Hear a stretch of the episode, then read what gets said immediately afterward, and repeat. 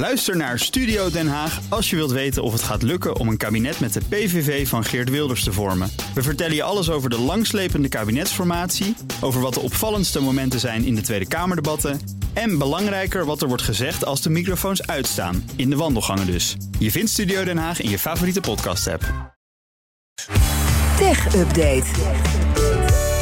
Het Stijn Goosens. Hey Stijn, goedemiddag. Goedemiddag. Microsoft gaat 3,2 miljard euro investeren in Duitsland. Ja, waar gaat dat geld naartoe? Ja, het bedrag eh, zal de komende twee jaar gestoken worden in eh, bijvoorbeeld nieuwe datacenters in uh, Noord-Rijn-Westfalen en Frankfurt, rond Frankfurt. en dat is ook bedoeld om mensen ook op te leiden om met AI en cloud-infrastructuur te gaan werken. grootste investering van Microsoft in Duitsland tot nu toe. Ondertussen, dat vind ik dan wel weer leuk, is Google vandaag ook met nieuws gekomen. Die hebben namelijk in Frankrijk weer iets, iets gedaan met AI. Ah, en wat gaan zij daar doen? Nou, die gaan dus in Parijs hebben ze een nieuw lab voor AI-onderzoek geopend. Dus ook rond AI. En dan een beetje ook weer in Europa. Maar uh, de een in Duitsland, de ander in Frankrijk. Uh, en de bedoeling is dat daar ruimte komt voor 300 wetenschappers en ontwikkelaars. En die 300 banen, die zijn niet nieuw. Die bestaan al. En die zitten nu allemaal verspreid, namelijk rond Parijs. En dat willen ze dus allemaal gaan uh, ja, op één plek gaan doen. Goedkope investering dan. Dan ja. hoef je eigenlijk alleen maar een kantoorpand te regelen. Ja, dat is geen 3,2 miljard, denk ik, nee. wat ze daarin hebben. Maar Frankrijk wil ook heel graag meeliften natuurlijk op die AI-hype. Er horen heel veel landen die graag ja, uh, toch mee willen. Dus zelfs Nederland wil meedoen met, uh, met de AI-top. Uh, en ja, er zitten ook in Frankrijk al best wel wat aardig wat succesvolle AI-startups. De bekendste is Mistral AI. En die zijn pas een jaar oud, nog niet eens. Ze zijn in april vorig jaar opgericht. Ze zijn nu al 2 miljard waard. Dat is echt ongelooflijk. Zij, zij hebben dus een open source AI-taalmodel. wat concurreert in feite met uh, OpenAI. Ja. En met, uh, met die van Google. Uh, en dat is heel goed bezig. En bij de opening van het onderzoekscentrum zei de CEO Sundar Pichai van Google. die was daar aanwezig. En die heeft ook nog even een tête-à-tête gehad. om het maar op zijn Frans te zeggen. met Emmanuel Macron. over ja, de Franse AI-summit die er aankomt. Dus er wordt behoorlijk gelobbyd ja. hier in Europa door de grote techbedrijven. Ja, dan even naar uh, buiten Europa. Want de CEO van OpenAI die is juist in de Verenigde Amer Arabische Emiraten bezig met uh, geld ophalen. Ja, had ik het, zoeken. Had ik het dinsdag ook al over hier in de Tech Update. De CEO Sam Altman wil van dat land een soort living lab voor nieuwe AI-functies maken. Waar dan nieuwe AI-ontwikkelingen zonder regels getest kunnen worden. Om vervolgens daarna pas de regels te ontwikkelen. Uh, en daar heeft het land nu zelf ook positief op gereageerd. De Verenigde Arabische Emiraten die zien daarmee echt een kans om de samenwerking uh, ja, in die samenwerking met OpenAI om echt een grote speler te worden. Uh, en er is nu ook nieuws, dat is ook wel interessant, uh, vanuit OpenAI. Er gaat het gerucht dat ze mogelijk een zoekmachine willen bouwen rond ChatGPT.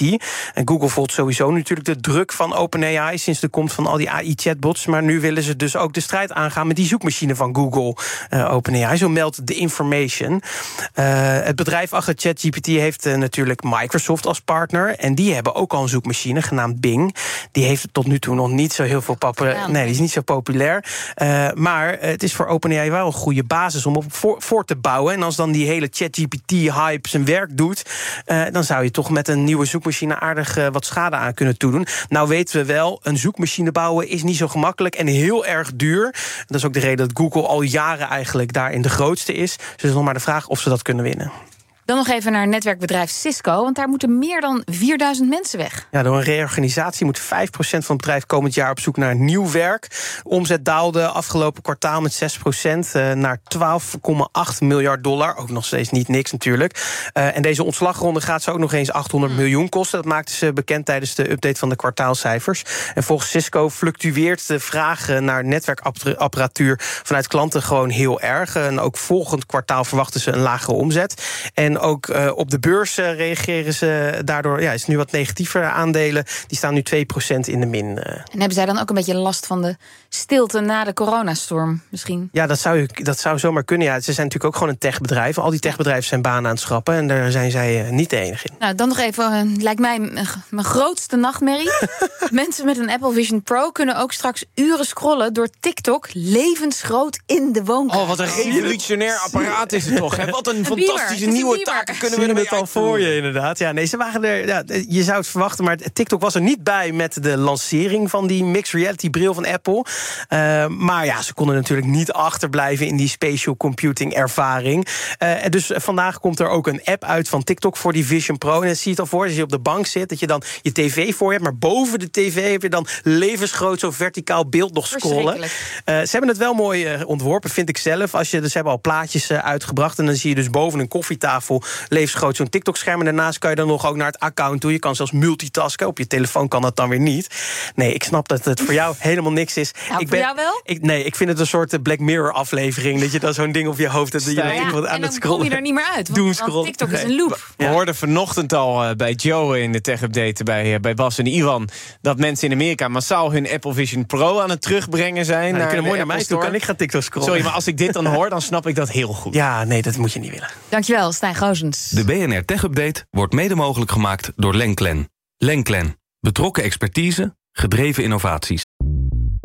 Bij BNR ben je altijd als eerste op de hoogte van het laatste nieuws. Luister dagelijks live via internet. Bas van Werven. En heel langzaam komt de zon op rond dit tijdstip. Je krijgt inzicht in de dag die komt op BNR, het Binnenhof in Nederland en de rest van de wereld. De Ochtendspits. Voor de beste start van je werkdag. Blijf scherp en mis niets.